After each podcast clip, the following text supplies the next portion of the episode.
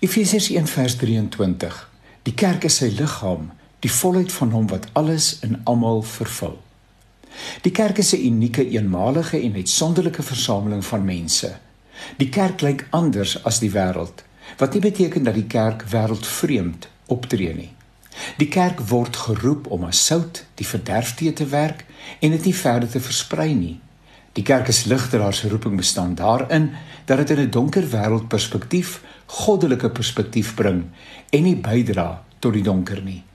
As die kerk nie sy roeping om die wêreld in en deur die kragveld van die Heilige Gees dramaties te impakteer en te transformeer nie, dan uh, is die hele wêreld in groot moeilikheid. Die kerk is die gom wat dinge bymekaar hou. As die kerk ophou om sy roeping uit te leef, verdwyn alle hoop. Dan is dit ikabot vir die wêreld en sy mense. Ek gesels vir doeleindes van hierdie dagstukkie van twee entiteite, die kerk en die wêreld die ongelowige en dikwels onverskillige wêreld.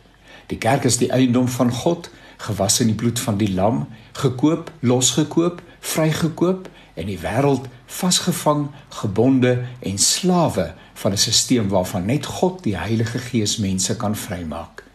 Die kerk werk so suurdeeg, dikwels stil en onopsigtelik, maar geleidelik en sonder om op te hou.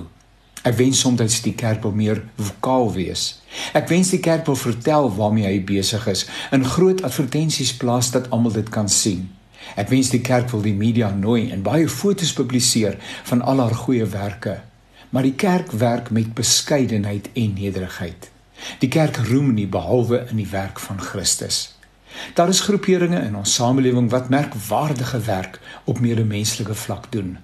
As daar 'n ramp of 'n noodtoestand is, is die mense daar. Dit is prysenswaardig en 'n gawe aan die land en sy mense. En die kameras is ook daar. Die aandnuus vertoon beeldryk wat gedoen is en word. Maar is anders met die kerk. Korrektief doen die kerk asemrowende werk. Daar is 10000de gemeentes en vergestaltings van gelowiges. Miljoene mense in Suid-Afrika bely dat hulle bloed gewas is en getrou aan hulle roeping maak hulle in woord en daad 'n enorme verskil in die wêreld, maar min weet daarvan. Dit word in die hemel opgeskryf.